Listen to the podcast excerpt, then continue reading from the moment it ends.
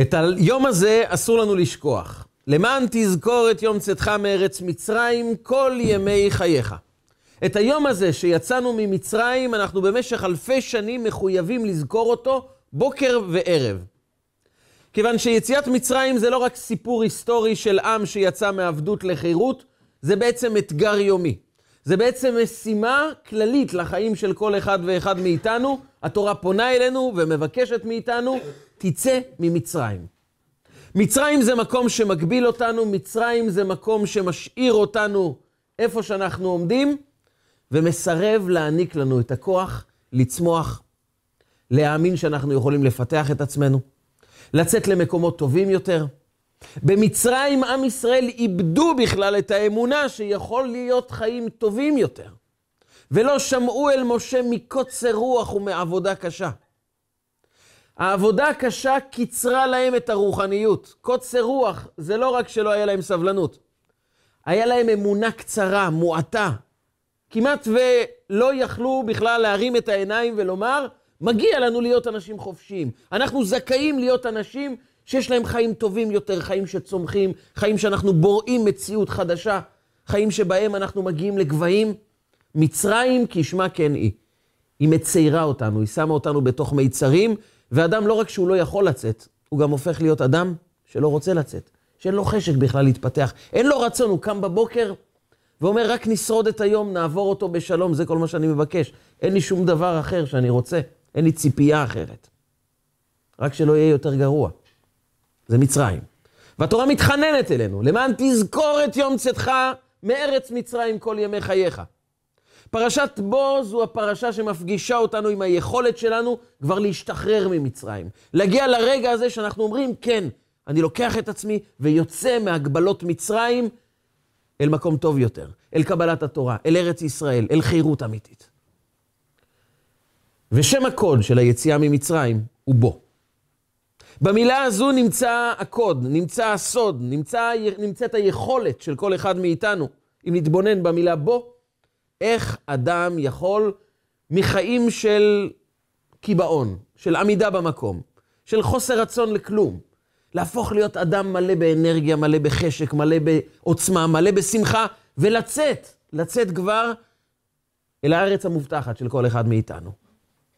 אבל כדי להבין את המשמעות האמיתית של בו, כדי להצליח להפוך את החיים שלנו לחיים שיוצאים ממצרים בכל יום, נתבונן קצת בפרשת השבוע. פרשת השבוע שמדברת על יציאת מצרים, כמובן מדברת על המצווה והגדת לבנך, ליל הסדר. אנחנו מעבירים את המסורת של יציאת מצרים, של כוחו של הקדוש ברוך הוא, לפרק את השלטון המצרי ולהוציא אותנו מעבדות לחירות. בנוסף, אנחנו נדבר על קורבן פסח כמובן, ועל כל התהליך עד לרגע הזה שעם ישראל פשוט יוצאים ממצרים. אבל יש עוד מצווה שנראית לא קשורה בעליל לכל הסיפור הזה של יציאת מצרים. וככה הקדוש ברוך הוא אומר לנו פעמיים בפרשת השבוע. והיה לאות על ידיך ולטוטפות בין עיניך. יש מצווה שאתה צריך לשים בין העיניים, על הראש ועל היד, וזו מצוות תפילין. והקדוש ברוך הוא מבקש ממנו פעמיים בפרשת השבוע, רגע לפני שאנחנו יוצאים ממצרים, תזכרו להניח תפילין. ונשאלת השאלה, למה לא ממתינים עד מתן תורה כדי לספר לנו על התפילין, כמו שיספרו לנו על כמעט כל המצוות? למה דחוף באמצע מצרים לשמוע והיה לאות על ידיך ולזיכרון בין עיניך למען תהיה תורת השם בפיך? למה עכשיו אני צריך ללמוד על מצוות תפילין? לא היה עדיין מתן תורה. את רוב המצוות אנחנו בכלל עדיין לא יודעים מהם, לא קיבלנו אותם כציווי לפחות. אבל תפילין מזכירים לנו כבר בפרשת יציאת מצרים. כי הדרך לצאת ממצרים עובר דרך ההתבוננות בסודה, בסוד של מצוות תפילין. ויש כאן עוד רעיון מעניין.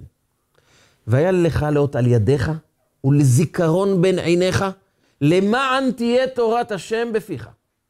אם אתה רוצה להיות אדם של תורה, אתה רוצה להפנים את התורה, אתה רוצה שתורת השם תהיה בפיך. זו הגדרה מעניינת. למען תהיה תורת השם בפיך.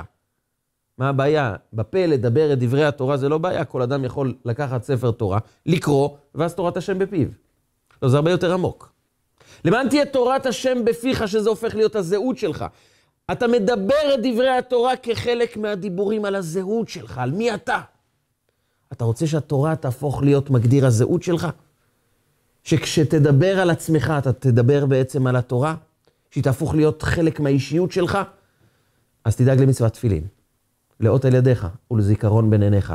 זה יביא אותך למצב למען תהיה תורת השם בפיך. המדרש עוד מסביר את זה יותר. הוא אומר שבאו בני ישראל לקדוש ברוך הוא ואמרו לו, אנחנו רוצים ליגע בתורה יומם ולילה. אנחנו רוצים ללמוד תורה יום ולילה, אנחנו אוהבים את התורה. אין לנו פנאי, אנחנו עסוקים בעבודה, מה נעשה? אמר להם הקדוש ברוך הוא דבר מפתיע. קיימו מצוות תפילין ומעלה אני עליכם, כאילו אתם יגעים בתורה יומם ולילה. אם אתם תניחו תפילין, תקפידו על המצווה הזאת, זה כאילו שאתם יגעים בתורה יומם ולילה. ונשאלת השאלה, מה הקשר בין השניים? תורה זה עיסוק שקשור עם המוח. אני צריך ללמוד, אני צריך להתבונן, אני צריך להתאמץ, מאמץ אה, אינטלקטואלי כדי להבין את התורה. תפילין זה מעשה. איך תפילין קשורים ללימוד תורה.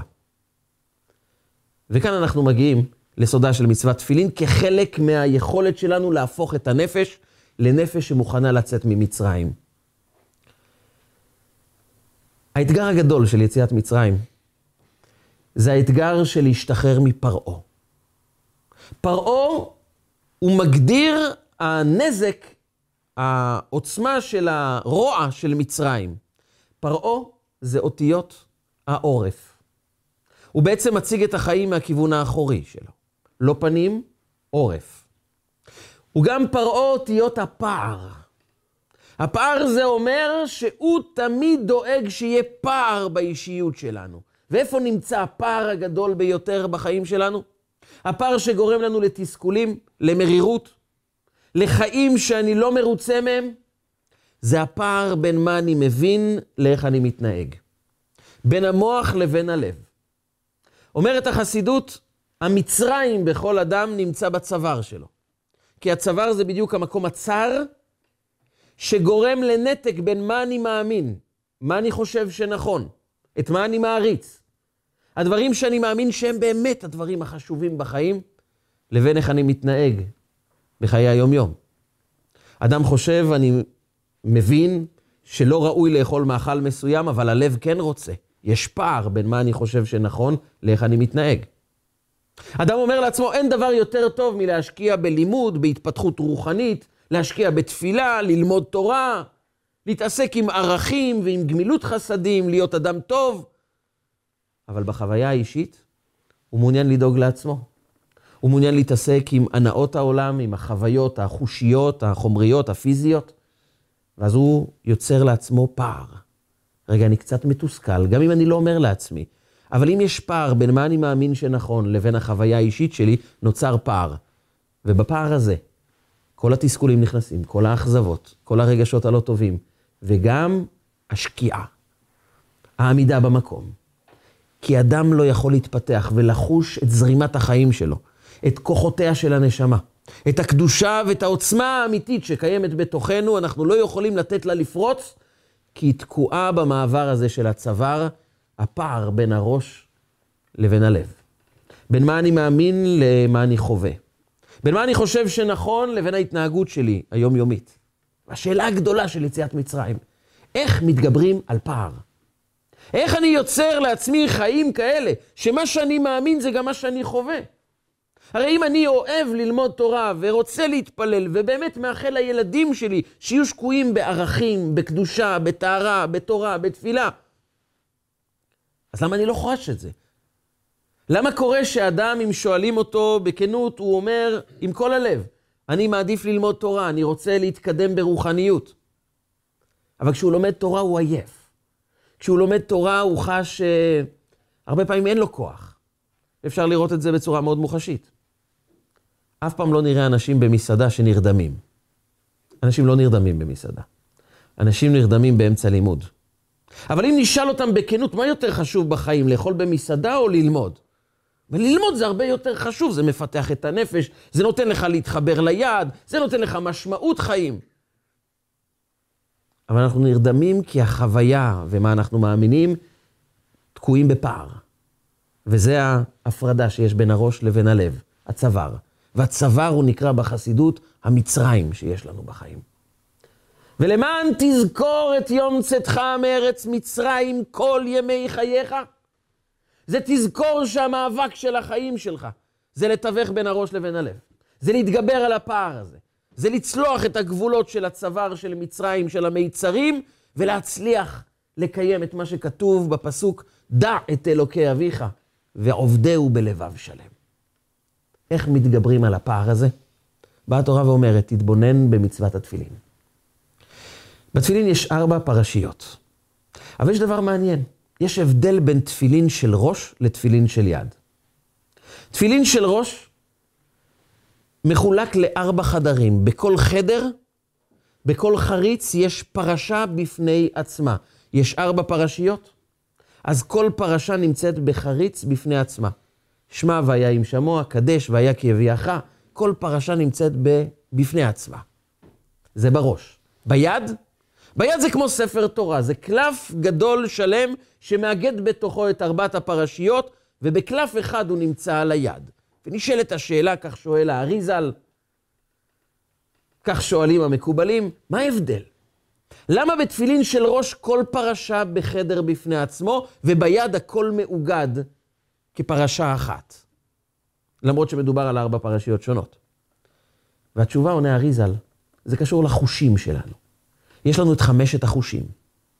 בראש יש ארבעה מתוך חמשת החושים. ראייה, שמיעה, ריח וטעם. לכן יש ארבע פרשיות. כי התפילין של ראש באים לזכך את ארבעת החושים שנמצאים בראש.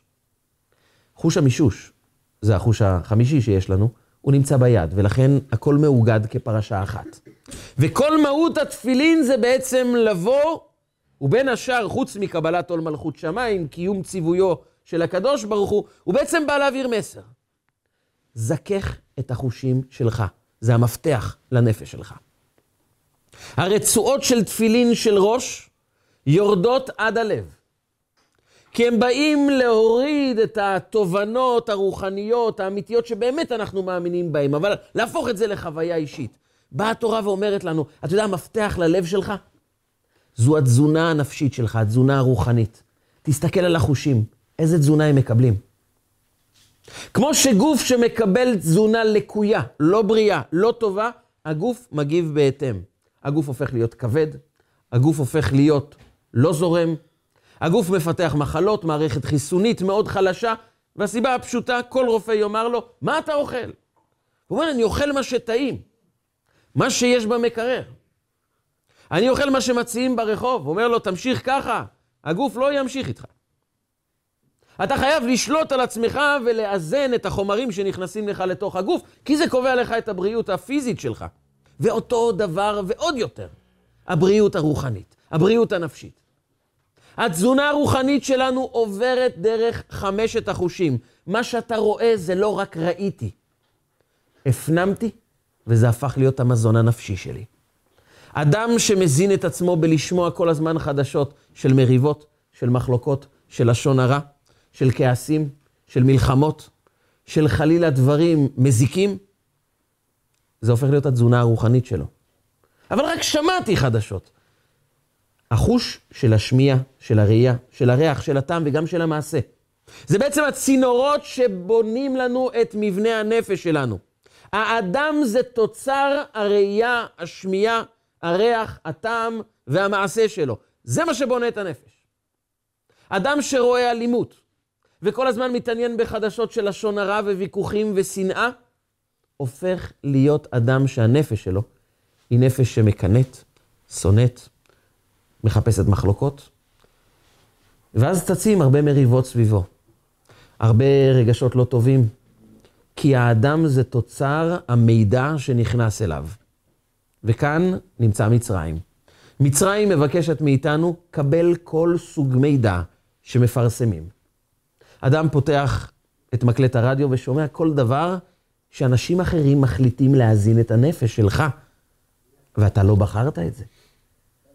וגם במקום שאדם יכול לבחור, האם אתה בוחר תזונה שמקדמת אותך? והתשובה היא, ככל שאדם מקפיד לסנן את המידע שמגיע אליו, הוא בוחר איך ייראה הנפש שלו. האם נפש של תקווה, נפש שרוצה לפרוץ, נפש שמחוברת למה שהיא מאמינה. כי הפער הגדול מתחיל בין זה שאני מבין שיש דברים רוחניים, ערכיים, דברים אמיתיים בחיים שהייתי רוצה לחיות על פיהם. אבל עולם החושים שלי מקבל מזון אחר לגמרי. הוא מקבל חדשות, הוא מקבל מידע שקשור רק עם עולם החומר, עם העולם הפיזי, עם העולם של מריבות, של פוליטיקה, של תככים, של, של שנאות. ואז האדם יוצר בתוכו פער בין חוויית הנפש שלו לבין מה שהוא באמת היה רוצה. ופער מזמין בעיות. כאשר זורקים את יוסף לבור, אומרים, והבור ריק, אין בו מים. זה מה שהתורה מנדבת לנו כמידע, מה יש בבור. אין בו מים. חכמינו באים ואומרים, אבל יש בו נחשים ועקרבים. מאיפה אתם יודעים? כתוב בתורה שאין מים. התשובה היא, זה מאוד פשוט. בור שאין בו מים, מתקבצים נחשים ועקרבים. אם אתה לא ממלא חללים ריקים בחיים שלך, נחשים ועקרבים ימצאו שם את המקום שלהם, את הבית שלהם. כי אתה חייב להתמלא במשהו. החיים בעולם, צריך להפנים, הם לא אזור ריק. תמיד הם מתמלאים. ואם אדם לא בוחר למלא את הנפש שלו בהמון תוכן רוחני, צודק, טוב, מתפתח, של חמלה, של חסד, של רחמים, של קדושה, של טהרה, ממילא העולם יכניס לתוכו נחשים ועקרבים. זה חוק שאנחנו חייבים להתמלא. אנחנו רק בוחרים במה אנחנו מתמלאים, ולא לבחור להתמלא בטוב, זה בעצם פעולה אקטיבית של לבחור בלהתמלא ברע. ולכן התורה מתחננת אלינו. ביציאת מצרים, והיה לאות על ידיך, ולטוטפות בין עיניך. תמיד תזכור להניח תפילין. הנחת תפילין היא בעצם הרגע שאדם אומר, אני מבין שיש לי חושים, והחושים האלו הם הצינורות, הם התזונה שלי, ואני בוחר להזין את עצמי בטוב, ברוחניות. אדם קם בבוקר, מה הוא בוחר לעשות? הגמרא במסכת ברכות אומרת, אבא בנימין אומר, כל ימיי הייתי מצטער, הייתי מתחנן, הייתי מבקש, הייתי מתאמץ על דבר אחד, שתהא תפילתי סמוכה למיטתי. הוא היה מבקש עוד דבר, אחד משני הדברים, הוא היה מבקש שתהיה תפילתי סמוכה למיטתי, שאני אקום בבוקר ולא יתחיל למלא את עצמי בדברים אחרים. לא במה אני אוכל, לא במה העבודה שלי, לא במה החדשות. אני ישר מתפלל, אני קודם כל מקבע בתוכי תזונה רוחנית, אני מתפלל. אני מבקש להזין את עצמי בכמה שיותר מידע רוחני. הסיבה שאנחנו שוקעים זה מסיבה אחת. התזונה שלנו לקויה. התזונה הרוחנית שלנו חייבת רענון מחדש. כמה מידע של חדשות אני מקבל, איזה סוג חדשות אני מקבל, מה אני שומע, למה אני מתחבר, גם מה אני אוכל, וגם מה אני עושה. פעולה פיזית של יצירת טוב בונה נפש טובה. כשאדם מתרגל לעזור לאנשים, גם אם הוא עושה את זה בכוח, עצם הפעולה שאני נותן צדקה, שאני עוזר, שאני מסייע, פועלת משהו בנפש. קורא לזה ספר החינוך. אחרי הפעולות נמשכות הלבבות. הלבבות שלנו מתעוררים כאשר יש לנו פעולות חיוביות. בעצם התורה אומרת לנו, כשאנחנו רוצים לצאת ממצרים, אנחנו צריכים לסגור פערים, וסגירת פער זה לדעת, יש בתוכך נשמה קדושה. אתה בתוכך רוצה את הטוב. אלוקים ברא את האדם ישר, הוא ברא אותנו כבריות, כאנשים שרוצים את הטוב, שמבינים מה זה טוב אמיתי. אנחנו בסדר באישיות שלנו, אנחנו מקבלים מזון לא טוב. וכשאדם מתחיל להזין את עצמו במזון טוב, מזון חיובי, הנפש שלו מתחילה לסגור פערים, והוא מתחיל לחוש, אני זה מי שאני. הנפש שבי באמת מתבטאת, ואז הנשמה יכולה לפרוץ. כי כשנתקעת מול ריקנות, הנשמה נסגרת, נעלמת, כי הריקנות שולטת בנו, ובתוך הריקנות נכנסים כל הנחשים והעקרבים, כל המידע ששמענו, כל הדברים הלא טובים שאנחנו חשופים אליהם כל כך הרבה, וזה לא רק שאלה של איזה מידע ראינו ומה שמענו. כל דבר שאתה רואה משפיע, בין לטובה ובין לרעה. אדם לא יכול לומר לעצמו, אבל רק ראיתי משהו קטן, רק שמעתי איזה משהו קטן, זה קצת מעניין, מה יש? אני רוצה לשמוע קצת ריחולים, קצת לשון הרע, קצת דברים לא נעימים, קצת אלימות, קצת קנאה, קצת איזה משהו לא נעים שאחד אומר על השני, זה מעניין. את מי? את הנפש המחפשת בעיות. את הנפש הבעמית שרוצה רק להידרדר, אבל המחיר שאנחנו משלמים, המחיר הוא גבוה מאוד. זה מחיר של להיות תקוע במקום ולהישאר במצרים, ואז יום אחד לקום ולהגיד, למה אין לי חשק להתפתח? למה אני כל כך כועס? למה אני מלא בזעם על הרבה אנשים סביבי? למה אין לי אנרגיה לפרוץ, לקום, לעשות? כי הנפש לא בריאה. ומה זה בריאה? בריאה כשמה כן היא, לברוא, בריאה. נפש בריאה היא בוראת. נפש תקועה שלא רוצה לפעול, לפרוץ, לצמוח, להתקדם, יש חיסרון בבריאות כי התזונה לקויה. אבל המדד לנפש בריאה זה נפש שפורץ, שעושה, שהופכת להיות אקטיבית.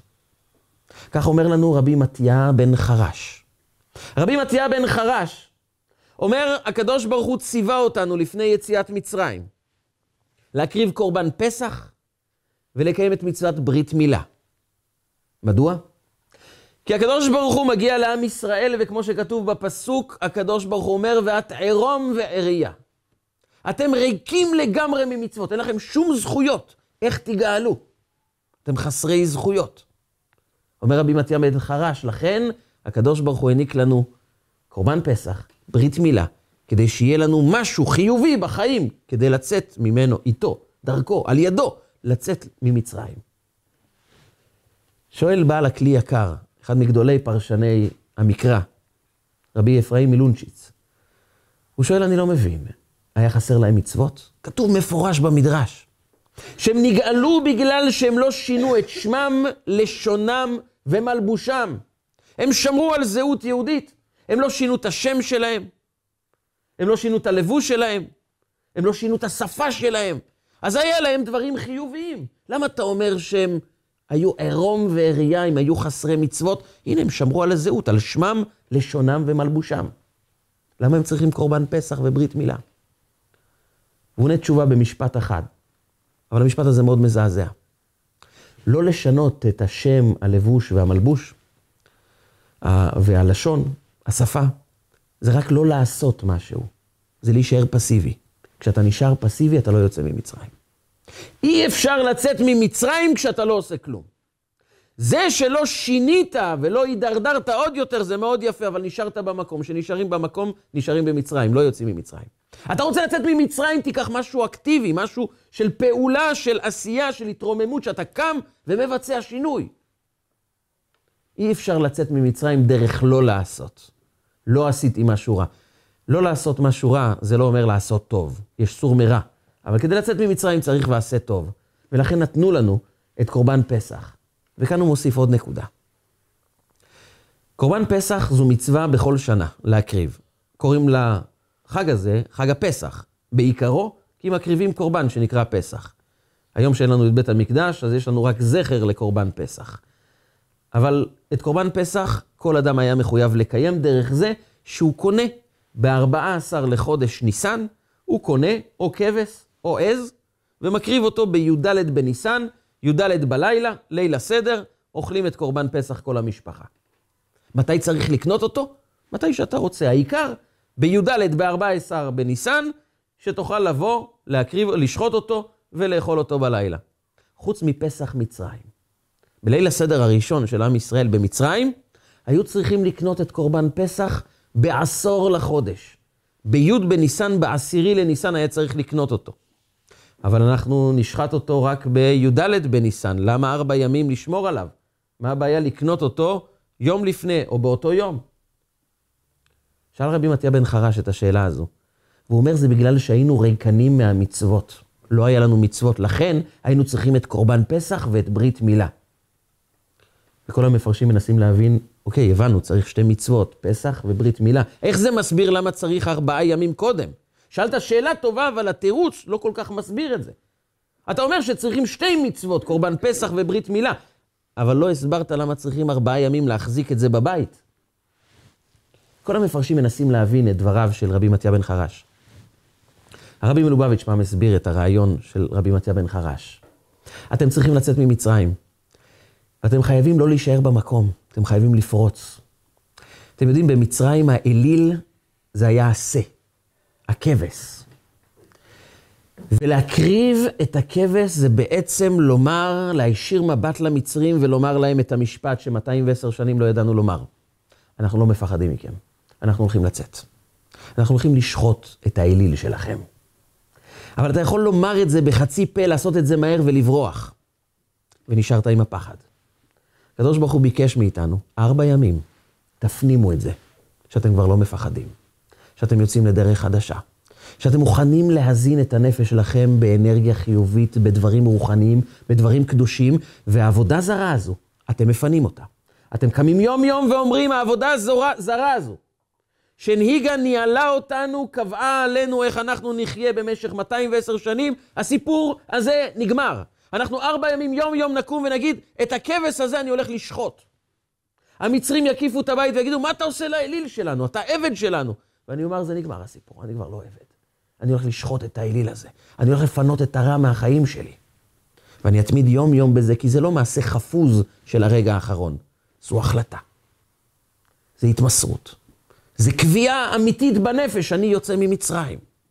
ורק כשאתה מתחיל לעשות, ומוכן גם להקריב עבור זה את עצמך, את היום-יום שלך, אתה מתחיל להזין בקביעות, בעקשנות, את חמשת החושים שלך בדברים טובים. הנפש לאט לאט מתחילה לסגור פערים, ואז אדם הופך את מציאות חייו למציאות שמבטאת את הדברים שבהם הוא מאמין. והנשמה מחכה רק לזה. היא מחכה לרגע שבו אנחנו נסגור את הפערים, והנפש שלנו תהיה ניזונת רק מהחומרים הטובים, מהקדושה ומהטהרה, וכשהנשמה מרגישה שהיא נמצאת באטמוספירה הנכונה, במקום המדויק שלה, זה הר געש שמתפרץ. פתאום מתוך האדם פורצים כל הכוחות, כי הם היו טמונים בעמקי האדמה, כי לא היה להם מקום לפרוץ, כי היה פער, היה חלל ריק, נכנסו נחשים ועקרבים, ועכשיו אפשר לפרוץ. ואז האדם הופך להיות ניגון חייו. מה הכוונה ניגון חייו? נעבור רגע לספר מלכים. עם ישראל מחולק לשני ממלכות, ממלכת יהודה וממלכת ישראל. ממלכת ישראל בתקופת אלישע בן שפט, הנביא אלישע. ממלכת ישראל נתונה תחת הנהגתו של יהורם בן אחאב. אחאב, כידוע, מילא את ארץ ישראל, את ממלכת ישראל, בנביאי הבעל, בעקבות ההשפעה של אשתו איזבל. ממלכת יהודה הייתה ממלכה שבדרך כלל המלכים היו צדיקים. המלך ששלט באותה תקופה היה יהושפט, מלך צדיק. יהורם בנו של אחאב לא היה רשע כמו אבא שלו, אבל גם היה רשע לא קטן. ויום אחד הוא מחליט לצאת למלחמה נגד מואב. מואב, שלטון שמפריע לעם ישראל, גם לממלכת ישראל וגם לממלכת יהודה. ויהורם אומר, אני צריך לשים סוף לסיפור הזה, אני יוצא למלחמה, אבל לבד זה קשה. הוא שולח שליחים למלך יהודה, ליהושפט, ואומר לו, אתה יוצא איתי למלחמה? אומר, לי, אומר לו, החיילים שלי כמו החיילים שלך, סוסי כסוסיך, אנחנו יוצאים ביחד למלחמה. והם ניגשים ביחד עם ממלכת אדום גם למלחמה סופית נגד מואב. חיל כבד, סוסים, חיילים, עוצמה שלמה של צבא של שלושה ממלכות. של שלוש ממלכות שיוצאים למלחמה סופית נגד מואב, ואז הם נתקלים בבעיה. הם לא חשבו על הדבר הכי פשוט. מים. מאיפה נביא מים? הם עומדים ליד ממלכת מואב, הם קולטים, מבינים שאין מים לא לבהמות ולא לחיילים, מה שאומר שבתוך כמה ימים ימותו פה והמלחמה תסתיים לטובת ניצחונם של מואב. והם לא יודעים מה לעשות. ויהושפט הצדיק קם ואומר, אין איזה נביא שאפשר לבוא אליו לבקש שיתפלל עלינו. אומר לו אחד החיילים, יש פה, יש פה את אלישע בן שפט, שיצק מים על ידי אלישע. הם מבינים במים. הם יצרו מכלום מים, בניסיון הגדול של הר הכרמל. אז אולי שווה ללכת אליו, ויהושפט אומר, אם זה נביא צדיק, אני הולך אליו. והוא הולך ביחד עם יהורם בן אחאב. ואיך מגיעים לאלישע, אלישע כבר מבין שהם באים לבקש מים, אבל הוא רואה את יהורם בן אחאב, והוא נזכר במאבק האינסופי של ממלכת אחאב נגד אליהו הנביא רבו, נגד כל נביאי השם, את מלחמת החורמה שהם ניהלו כנגד היהדות, כנגד הנבואה, כנגד הקדושה, ועכשיו הוא בא לבקש רחמים, אלישע כועס עליו. הוא אומר ליהורם, מה לי ולך? למה הגעת אליי בכלל? למה לא תלך לנביאי בית אביך ואימך, תתפלל אצלם? אצל נביאי הבעל תלך, למה אתה מגיע אצלי? הוא אומר לו, כי אנחנו צמאים, ואנחנו זקוקים למים כדי להציל את המלחמה הזו. ואלישע אומר, אני לא הייתי מתפלל בשבילך, אבל בשביל יהושפט, מלך יהודה, שהוא צדיק, בשבילו אני מתפלל. ובשבילו אני מוכן לבקש מהקדוש ברוך הוא רחמים. אבל אז הוא נתקל בבעיה. הוא כעס. ומי שכועס, מסתלקת השכינה ממנו. אין השכינה שורה, אלא מתוך שמחה. אתה כעסת? כעס מוצדק. מופיע פה הנציג של נביאי הבעל שהשמידו, הרגו, חיסלו את היהדות, ועכשיו הם באים לבקש רחמים. אז הוא מבין שהוא לא יכול לקבל נבואה ולא יכול להתפלל, ואז הוא מבקש את הבקשה הבאה. ועתה, קחו לי מנגן, והיה כנגן המנגן, ותהי עליו יד השם. הוא החזיק מנגן. אדם שמנגן יוצר שמחה. ועם ניגון השמחה, אלישע שרתה עליו רוח השם, ואז הוא ביצע את הנס, התפלל לקדוש ברוך הוא, ואז נהיה נס, ומים זרמו בנחל, השקו את הצבא והם כבשו את מואב. הרב המגיד הקדוש ממזריץ', תלמידו של הבעל שם טוב, שבת אחת, החליט להסביר את הפסוק הזה, וכך הוא אמר: קחו לי מנגן והיה כנגן המנגן. הוא אומר, בניגון יש לך את המנגן ויש לך את הנגן. הנגן זה הכלי שעליו מנגנים. המנגן זה אותו אחד שפורט על המיתרים. מי שפורט על המיתרים חושב, רגע, איך רואים אותי, איך מסתכלים עליי, איזה יצירה אני מבצע, האם אני אקבל על זה פרס, אנשים נהנים, איך רואים אותי, איך מסתכלים עליי. היחיד שלא חושב על כלום, רק על הניגון, זה הכלי עצמו, הנגן. הנגן עסוק רק בדבר אחד, בניגון. אמר המגיד הקדוש ממזריץ', והיה כנגן המנגן. אם המנגן חש שהוא כמו הנגן, הוא כמו הכלי, הוא מבטל מעצמו כל מיני מבטים חיצוניים שלא קשורים לעניין. והוא אומר, התפקיד שלי זה להיות הנגן, להביא ניגון לעולם. והיה כנגן המנגן. אם המנגן חש שהוא כל כולו רק הנגן, הוא צינור להביא ניגון חדש לעולם, ותהי עליו יד השם. אז רוח השם מפעמת בקרבו, אז הוא מקבל שכינה, אז הוא מקבל נבואה. כאשר אדם מזכך את חמשת החושים שלו, במקום להיות עסוקים במה אנחנו מרוויחים, איך אנחנו נהנים, איך אנחנו מפתחים את האגו שלנו, ואיך אנשים יסתכלו עלינו ומה יאמרו עלינו, אדם מתחיל להזין את החושים שלו במקום בקנאה, בתחרות, בהנאות חומריות. הוא מתחיל להזין את עצמו בעשייה טוב, בחסד, ולאט לאט סוגר את הפער והופך להיות אדם שכל החושים שלו הם חושים של טוב, ואז הרגש של קדושה מתפרץ מתוכו. אז ותהי עליו יד השם. כי הוא הפך להיות הנגן. הוא הפך להיות צינור לניגון. כדי לצאת ממצרים אנחנו צריכים לשאול את עצמנו עד כמה אנחנו צינור לניגון אלוקי שמשתוקק לפרוץ מתוכנו. כי יש בתוך כל אחד ואחד מאיתנו ניגון. אבל כדי שהניגון הזה יתפרץ, הוא חייב להיות נגן. הוא חייב שחמשת החושים יהיו מחוברים לניגון האלוקי שבתוכנו, וכשחמשת החושים שלנו מזדככים, אז אנחנו יכולים לפרוץ, אז הנשמה שלנו יכולה לגלות את הכוחות שבה. אחד הסיפורים המזעזעים של תקופת החורבן, בתקופת שלטונם של הרומאים, מספר על יוסף משיטה. יוסף משיטה זה היה הדמות של הבוגד היהודי הגדול ביותר. לא רק שהוא היה בוגד ושיתף פעולה עם הרומאים, הוא גם היה אדם שמבזה את קודשי ישראל באופן יומיומי. וכשהרומאים הגיעו וכבשו את בית המקדש, הם פחדו להיכנס בפנים. הם אמרו, זה כבר להתעסק ישירות עם אלוקי ישראל, אנחנו מפחדים. אנחנו לא יודעים, להיכנס שם זה מסוכן או לא מסוכן. בואו נעשה ניסיון. הם ביררו אצל כל הבוגדים היהודים, למי לא אכפת להיכנס לבית המקדש ולגנוב משם משהו? מי חסר כל רגש לקודשי ישראל? כולם ענו פה אחד, יוסף משיטה, זה, זה האדם. הם באו אליו ואמרו לו, תקשיב, אתה יכול להיכנס לבית המקדש, לקחת מה שאתה רוצה בשבילך. טוב? הוא אומר, מה זה טוב? מעולה. טוב מאוד, אני מכיר את האוצרות שיש שם, בוא אני אסדר את הכלכלה האישית שלי, של בניי, של נכדיי, אני אקח שם דברים טובים. הוא נכנס, ניגש ישר למנורה הקדושה. הוא נכנס לקודש. שרק כהן יכול להיכנס, גם זה בטהרה, והוא נכנס למקום שהוא אסור בטומאה, ולקח לא פחות את המנורה. הוא יוצא עם המנורה, מנורת הזהב של עם ישראל. זה סמל של עם ישראל. סמל הקדושה, סמל הטהרה. והוא יוצא עם המנורה, כולו זורח מאושר, שמח, ולא שם לב שהוא פצע לבבות של מאות ואלפים. אבל לא אכפת לו. הוא יוצא עם המנורה, ואז המפקדים הרומאים רואים את המנורה ומתחרטים. אומרים לו, תקשיב, ידידנו, זה לא בשביל אדם פשוט. מנורה כזאת לא יכולה להיות אצלך, זה צריך להיות אצל הקיסר. זה צריך להיות במוזיאון גדול, זה לא יכול להיות רכוש פרטי של אדם פרטי. אנחנו לוקחים את המנורה, אנחנו נביא את זה לרומי. עכשיו אתה יכול להיכנס ולקחת מה שאתה רוצה. עכשיו באמת. אבל לא מנורה. אומר להם, לא, זהו, אני גמרתי, אני כבר לא נכנס. אמרו לו, מה אתה לא נכנס? הוא אומר, אני לא נכנס יותר. למה? עכשיו אתה יכול לקחת מה שאתה רוצה ולהיות עשיר. אומר, זהו, די, הכסתי את בורי פעם אחת, אני לא רוצה להכיס אותו עוד הפעם.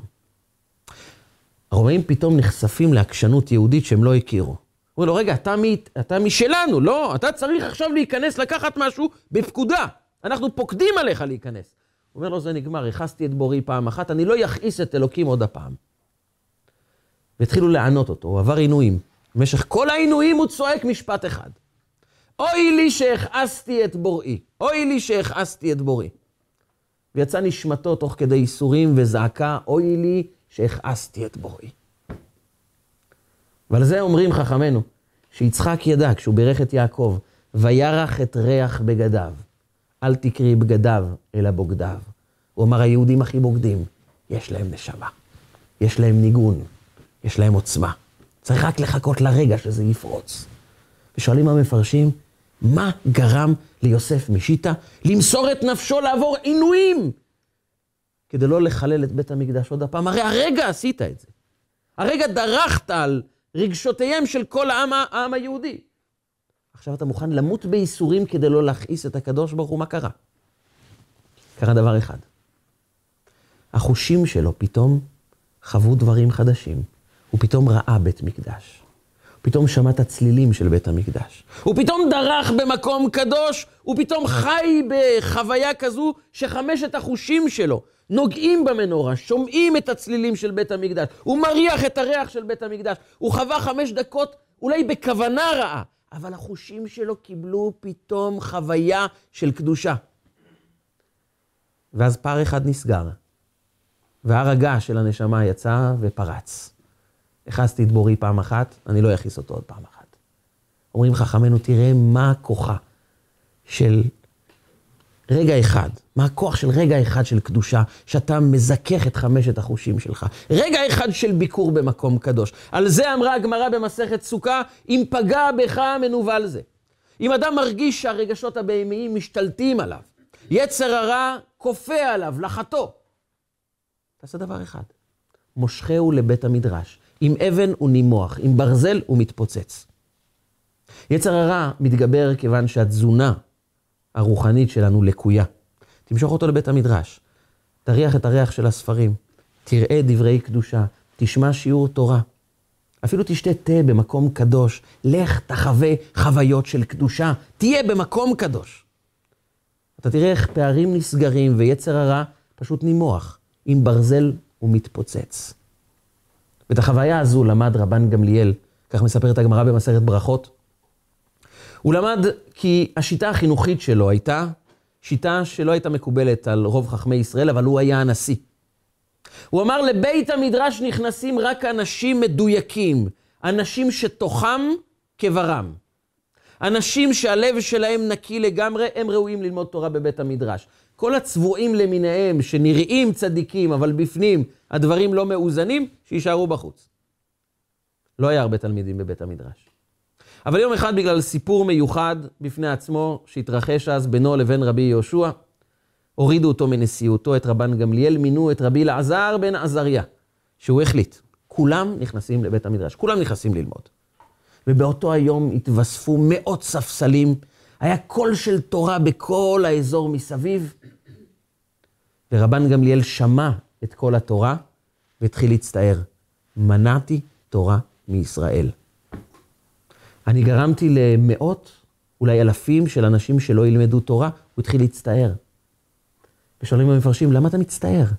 הרי ידעת, ידעת שאם יפתחו את שערי בית המדרש, ייכנסו כולם, אבל אתה בחרת איכות, לא כמות. אז זה שאתה שומע הרבה קול תורה, זה בסדר גמור, אבל אתה מבין שהאיכות זה לא האיכות שאתה ביקשת. מה השתנה? למה אתה פתאום מתחרט שאתה שומע קול תורה? אומרים בחסידות, הוא התחרט בגלל דבר אחד. הוא אומר, אני באמת רציתי רק איכות, אבל ראיתי דבר פלא. אנשים שנכנסים, צבועים, לא מדויקים, לא מאוזנים בפנים, הם נכנסים והם לומדים תורה, אבל הם יוצאים אחרת. האנשים שנכנסו זה לא האנשים שיצאו. אני פתאום קולט שעצם השהות בבית המדרש כבר משנה בן אדם. אולי מנעתי תורה מישראל? הייתי צריך לומר, גם אם הם אנשים לא מאה אחוז, אבל תן לחושים שלהם לחוות חוויות רוחניות וקדושות. זה יוציא אותם משהו חדש. ועל זה באה התורה ואומרת לנו, בוא. מה זה בוא? תיכנס בפנים, בוא. אל תישאר בחוץ. תבוא במלוא הכוח, תיכנס בפנים. תיכנס במלואך בתוך הקדושה. תזין את כוחות הנשמה שלך, את החושים שלך, את כל מסגרת החיים, תזין אותה בכמה שיותר. קדושה, טהרה, טוב, חסד. תפנה את העבודה זרה ארבעה ימים שאנחנו לוקחים את השה ואומרים, אנחנו ממך מתנתקים, אותך אנחנו הולכים לשחוט, לא רוצים יותר עבודה זרה. ככל שאדם מפנה מתוכו את העבודה זרה ויוצר ברית בינו לבין הקדוש ברוך הוא. ברית מילה שהוא אומר, אני אמלא את עצמי בחוויות של קדושה, בחושים שמלאים בטוב וחסד. אז הוא מקיים את המילה, בוא, תיכנס. וזו הפרשה של יציאת מצרים. כמה אנחנו מוכנים להיכנס באמת בחוויות החושיות שלנו, במסגרת החיים שלנו, לפנות מתוכנו את הדברים הלא טובים, וכל יום לשאול את עצמנו, האם אני מקבל תזונה רוחנית מדויקת? האם אני לא נכנע לכל מיני תכתיבים מבחוץ, או שאני בעצמי מנהל את התזונה שלי, וכך אני בונה נפש שיכולה לחוש, באתי במלואי. ומהבוא הזה, שממנו אנחנו יוצאים ממצרים, אנחנו זוכרים, זוכים גם ל... והיה כי הביאך אל הארץ. אנחנו זוכים גם להיכנס, להיכנס לארץ הקודש, להיכנס לארץ המובטחת שלנו. כי דרך החוויות של והיה לאות על ידיך ולטוטפות בין עיניך, שאדם יום-יום קם ואומר, אני מקדיש את חמשת החושים שלי לטוב, לחסד, לקדושה ולטהרה. הראש והלב נפגשים, ואז הוא באמת יכול לבוא אל מציאות חיים אמיתית שבה הוא פורץ את ההגבלות. אז הוא פורח, אז יש הר געש של טוב, חסד, קדושה וטהרה שפורצים מתוכו. אז הוא מגיע לארץ המובטחת שלו. ודרך זה, שכל אחד מאיתנו מגיע לשליחות חייו האמיתית, נזכה כולנו בעזרת השם, לבוא אל הגאולה האמיתית והשלמה עם משיח צדקנו במהרה בימינו, אמן ואמן.